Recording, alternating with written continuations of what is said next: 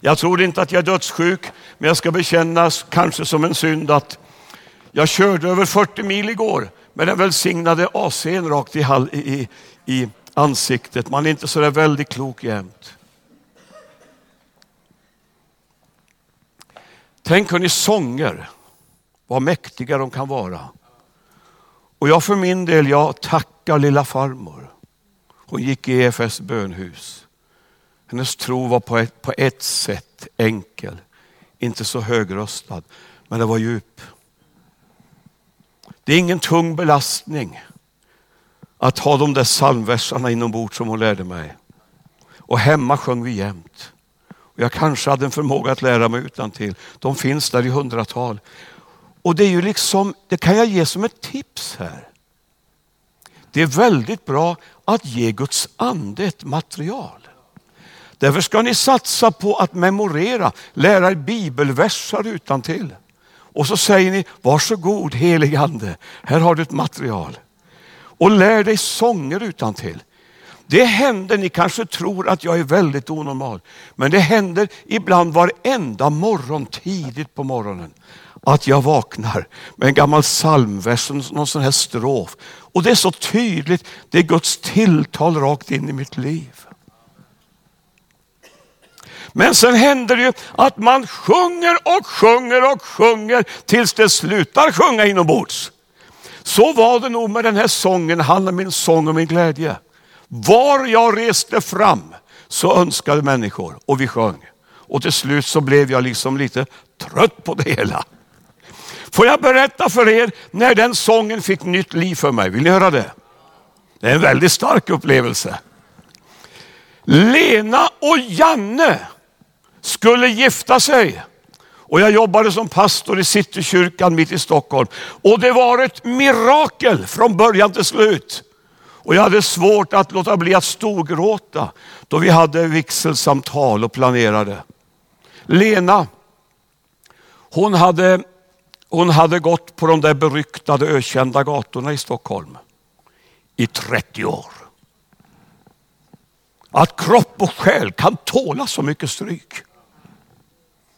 Och innan du eventuellt tänker för nedsättande tankar så ska du veta, hon hade aldrig en enda gång som liten känt sig välkommen och älskad.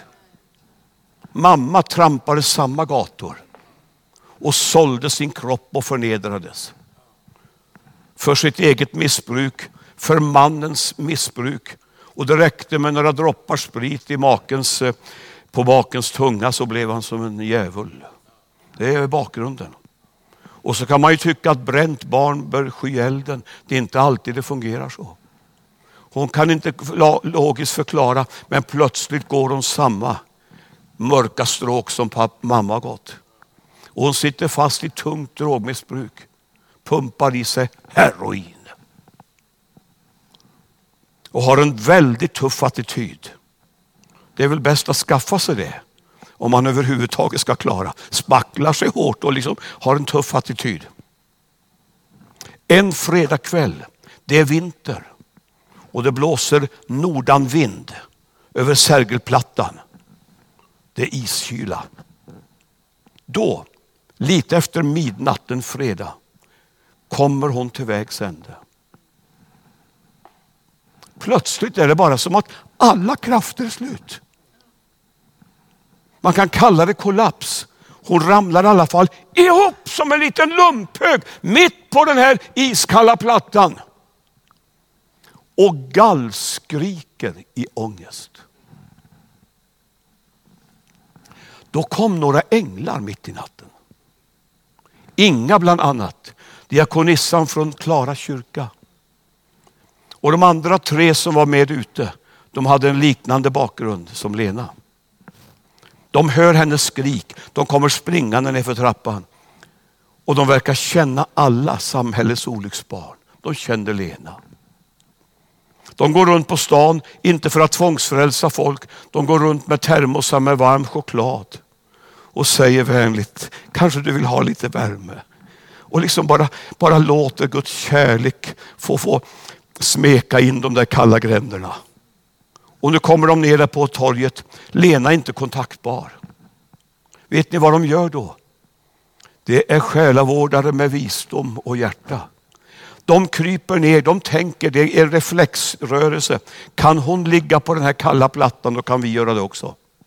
Så de lägger sig runt omkring henne som en skyddsmur. Och så tar de varandras händer. Och på en given signal, de skriker inte, för det är inte decibel som är det viktiga. På en given signal så börjar de i korus tyst tala ut namnet för vilka Satans makter får vika. Bara bjuder in Guds närvaro mitt i kaos och ångest och dödsfruktan. Jesus, Jesus, Jesus. Och plötsligt stillas de ångestfyllda skriken. Och jag som har facit i hand kan bara konstatera, där bröts någonting. Där öppnades porten till någonting helt nytt. Och jag ska inte skönmåla. Det var en böljande kamp några månader. Jag minns då hon kom vid klockan sju och ringde på våran dörr och var askgrå i ansiktet. Och så började hon storgråta. Och sa jag kommer för att säga hej då pastorn. Tack för allt ni har gjort för mig. Men det går inte. Jag orkar inte, jag klarar inte. Kan du känna hur det drar och sliter omkring en stackars liten människa? Och då sa jag, nu tar vi inte ens en dag i sänder. Vi tar, vi tar en timma i taget. Vi håller kontakt, vi ber. Och det bryter igenom. Det är vackert mina vänner att se då det bryter igenom i människors liv. Vi ska inte göra mallar för det är intressant hur olika och hur personligt Gud berör människor. Men vad ljuvligt det är att känna liksom då det bryter igenom för det nya livet. Är det någon här som kan ha lite förståelse för att hon bar på tjocka lager med hat emot män? Kan någon förstå det? Hat! Och därför var det ett väldigt mirakel. Hon har blivit döpt till Kristus. Vet ni hur vi hade det då i Stockholm? Jag döpte och så stod Karl-Erik Salberg bredvid dopgraven med lyftad hand och välsignade. Vi jobbade ihop.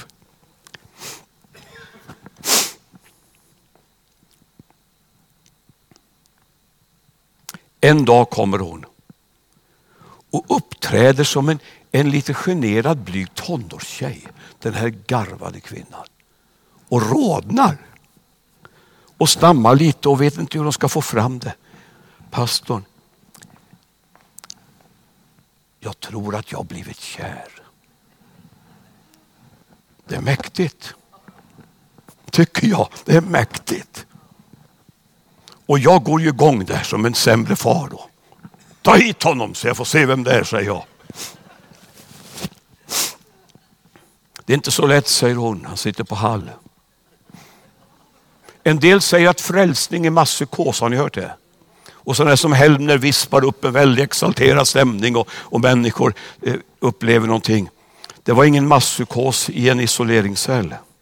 Men det var hjärtas rop. Där blir han frälst. Och de, har en, de känner till varandra sedan gammalt och han har kommit ut på permissioner.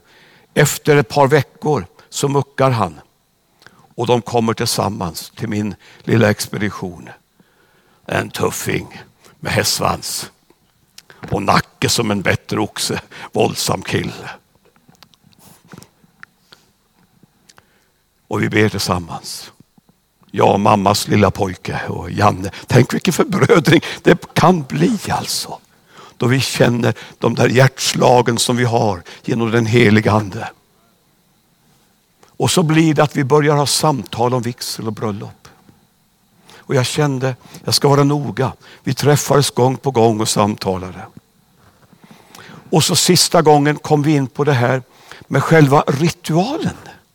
Hur själva gudstjänsten skulle läggas upp. Och de, de var inte så där riktigt förfinade och, och, och, och duktiga på, på det religiösa. Förstår ni mig? Men jag förklarade så väl hur de skulle göra. Att när då de går in ska de gå långsamt, ta ett steg i taget och sådär. Och jag var så noga. Och så sa jag, det är vanligt att man har en, en vacker ingångsmarsch, ingångsmusik. Har ni tänkt på något lämpligt musikstycke, sa jag. Och jag har en schysst låt, sa Janne. Jaså, sa jag. Ja, det är något om sång och glädje, det vet jag. Och jag då försökte ju på mitt dumma sätt och ja, jag vet inte om den passar riktigt, sa jag vid det tillfället. Då bara för några ögonblick, jag såg det i ögonen på honom, så kom den gamle Janne fram. Tittade med svart blick på mig och sa, bara en fråga pastorn. Vems bröllop är det? Och så kommer dagen då vi ska ha bröllopet. Kyrkan är fylld, ryktet har gått hörni, i intressanta grupperingar i samhället.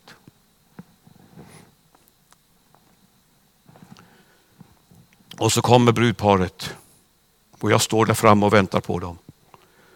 Och Alvar Almqvist, en förnämlig kantor, han brakar på borgen. Och då de kommer in, deras vänner då som inte är vana med kyrkan, de vill ju uttrycka glädje på sitt sätt. De stampar i golvet och busvisslar och härjar. Ja, inte så religiöst, men det var äkta. Helt klart var det det. Och plötsligt glömmer Lena alla förmaningar hon har fått av pastorn.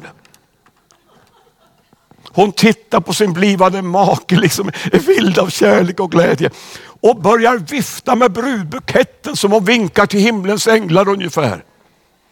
Och börjar småspringa och ta, har ni hört så hemskt, tar danssteg i mittgången där. Och kommer dansande upp på estraden med brudbuketten där. Och en varning till alla kvinnor, sluta och måla er. Hon såg ut som en, en lerig åker i ansiktet. för hon storgrät ju och mascaran flödade.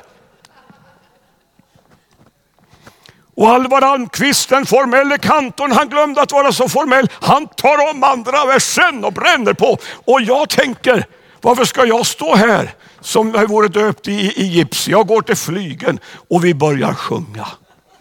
Åh, vad jag grät den dagen. Jag tittar på människorna i kyrkan. Jag kan minnas en tid i mörker.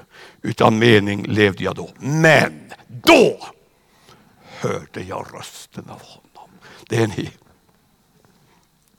Det var ett par nyfrälsta makar som hade köpt en gammal fiskeskuta för de hade en vision om att ha, ha evangelisation ute i skärgården och höll på att göra ordning den. Så de sa, vi fixar både bröllopsfesten och bröllopsresan. Och det förstår ni att det var inte så mycket på kontona. Det fanns inga konton ens. Ja. Och så går vi, förstår ni, Drottninggatan ner. Och sjunger. Och de var frimodiga. De hade förtöjt sin gamla skuta nedanför kungens stora slott. Fint ska det vara och kungabarnen prisar Herren.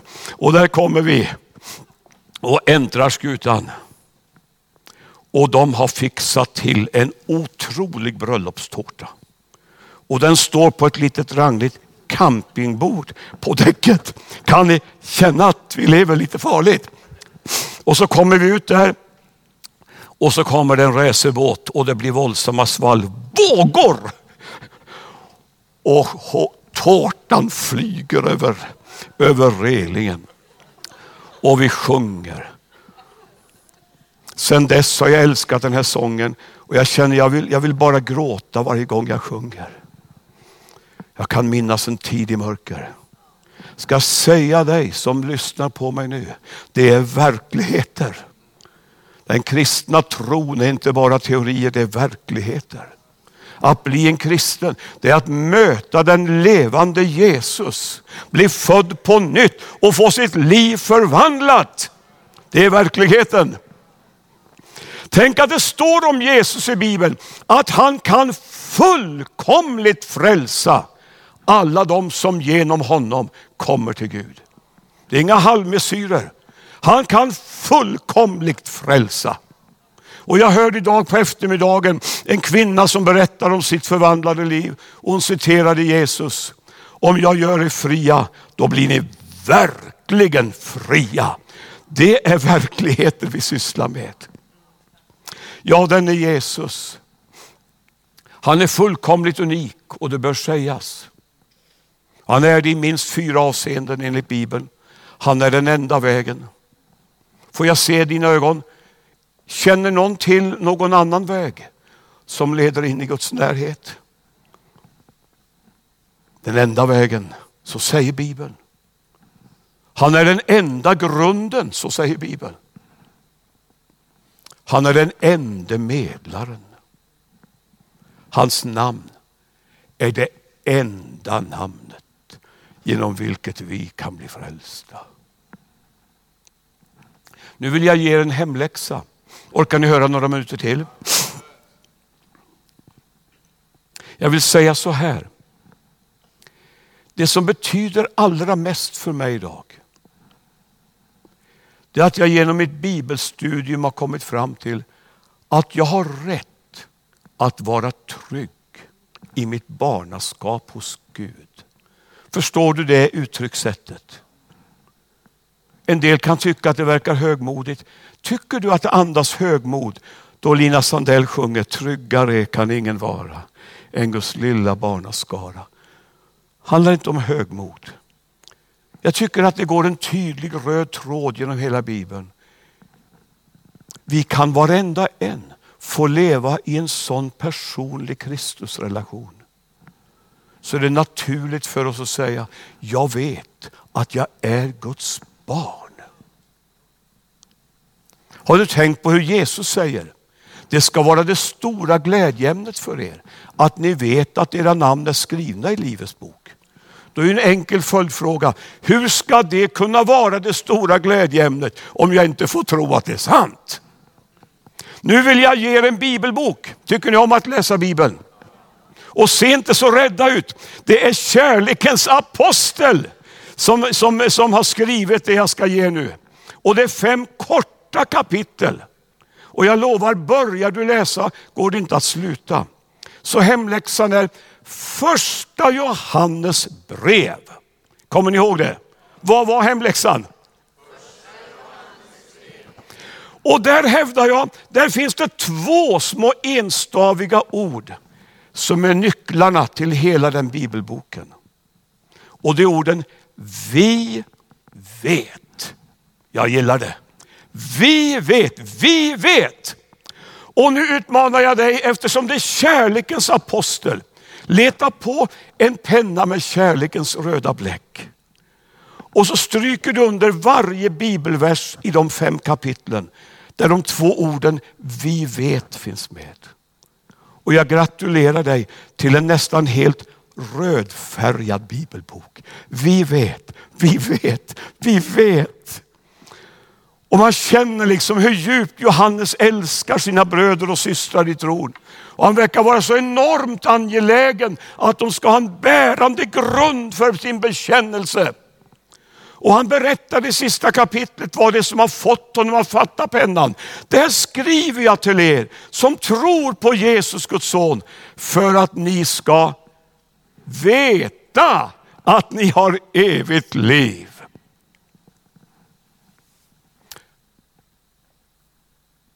Jag upplever att Johannes bygger upp sin undervisning omkring tre huvudpunkter.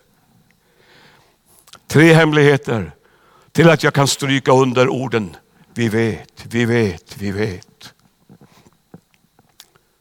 Ett, Guds ord. Den som bevarar hans ord, han vet. Så står det. Alltså, jag tror inte i första hand på min egen stora tro.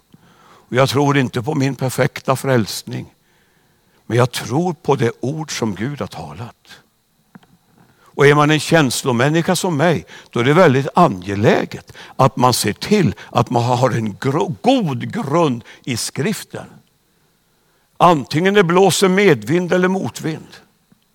Oavsett hur livet ter sig så har jag valt att läsa Bibeln på följande sätt. Jag har valt att ta bibelordet till mig som Guds personliga tilltal till mig.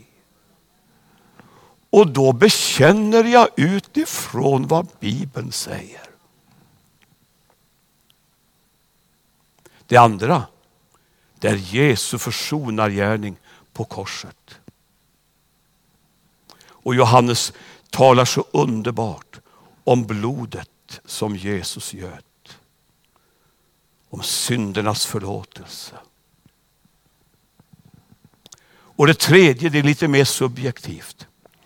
Andens vittnesbörd i mitt eget hjärta.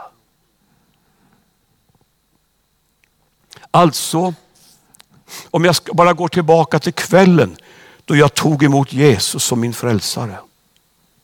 Ja, det är bara Gud som vet vilken längtan som brann i mitt inre. Ingen har hunnit ge någon speciell inbjudan. Lilla jag stolpar fram i ett jättestort möte och kryper ner på knä. Då kommer det fram en gammal man till mig, böjer knä bredvid mig, frågar mig vad jag heter och så säger han, jag förstår Ingemar att du vill bli frälst ikväll. Ja, pep jag med sämsta målbrottsröst. Bara man sa någonting så kom tårarna igen. Och bli inte rädd, man behöver inte vara ledsen, det behöver inte göra ont för att man gråter. Man kanske är berörd. Vet ni vad han sa då farbrorn? Du Ingemar, sa han. Nu ska vi förankra ditt beslut i Bibeln. Han hade en stor bibel. Ska vi förankra ditt beslut i Bibeln? Så du har någonting att stå på även imorgon och resten av livet.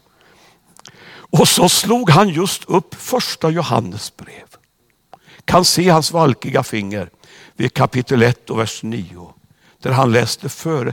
Det var märkligt hur Guds ande verkade bara han läste. Så öppnades mitt hjärta och jag fick tag i nyckeln till det här. Hur jag ska ta emot Guds ord som Guds tilltal till mig. Han läser och jag bara drabbas av, av tro och glädje. Om vi bekänner våra synder är han trofast och rättfärdig så han förlåter oss synderna och renar oss från all orättfärdighet. Och han sa, vad står det att Jesus gör? Förlåter mig alla mina synder, sa jag. Och vilken befrielse det var att få tala ut, bekänna utifrån bibellöftet. Och då sa han, då har vi bara en sak att göra du och jag.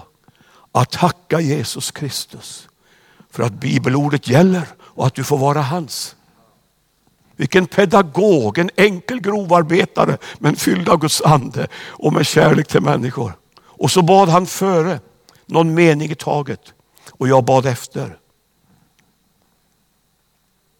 Alltså utifrån vad Bibeln säger fick jag börja tacka Jesus Kristus för min synd som är förlåten, för att jag får vara frälst. Och vad händer då? Jo, på ordets och försoningens grund får jag vittnesbördet som jag bär idag. Som gör att jag vet att jag vet att jag vet. Att ingenting kan skilja mig från Kristi kärlek. Andens vittnesbörd, en handpenning på någonting som jag bär i mitt hjärta. Och vet ni vad livet har lärt mig? Det där vittnesbördet kan förstärkas, till och med genom kriser och svårigheter. Det kan fördjupas och förstärkas. Då jag var nyfrälst, då sjöng vi så här på mötena. Och jag spelade på min elgitarr och jag kände att himlen är väldigt nära. Vi sjöng så här. För mig är det underbart att veta att Jesus är min. Det är ni mina vänner. Ska vi ta det i korus? För mig är det underbart att veta att Jesus... En gång till. För mig är det underbart att veta att Jesus är min. Jag har känt, jag har känt att jag skulle tala så här och jag vänder mig till dig som kanske är uppvuxen i ett kristet hem precis som jag. Och du har gjort andliga upplevelser och du vill vara ett Guds barn.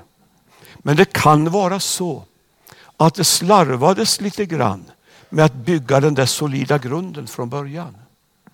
Med bibelundervisning och det är precis som att det är känslorna som styr. Och på söndagen är du jättefrälst och så kommer det lite jobbiga dagar. Då vet du inte vad du ska tro. Eller så är det på det viset att trots att du sjunger lovsång i kyrkan med lyfta händer så vaknar du ibland på småtimmarna och känner dig så utlämnad. Är det någon som vet hur det känns? Och det är som att du inte vet om du vågar tro på. Och som en gammal kristinna sa till mig. Tror du Ingemar att jag vågar lita på att min synd är förlåten? Hon har varit ett Guds barn i 50 år. Så börjar nära och kära dö bort. Hon blir själv svag och sjuk, kan inte vara med som förut. Och plötsligt börjar hennes sinne attackeras av sådana konstiga känslor och tankar. Det är precis som, det är så overkligt. Hur har du det? Jag frågar inte om du har medlemskort i tio kyrkor. Jag frågar hur är det med dig? Hur mår du? Känner du närheten till Gud? Är du trygg i ditt barnaskap? Jag tror det kommer dagar nu förstår ni. Då det blir helt avgörande att det finns djup i vår Kristusupplevelse.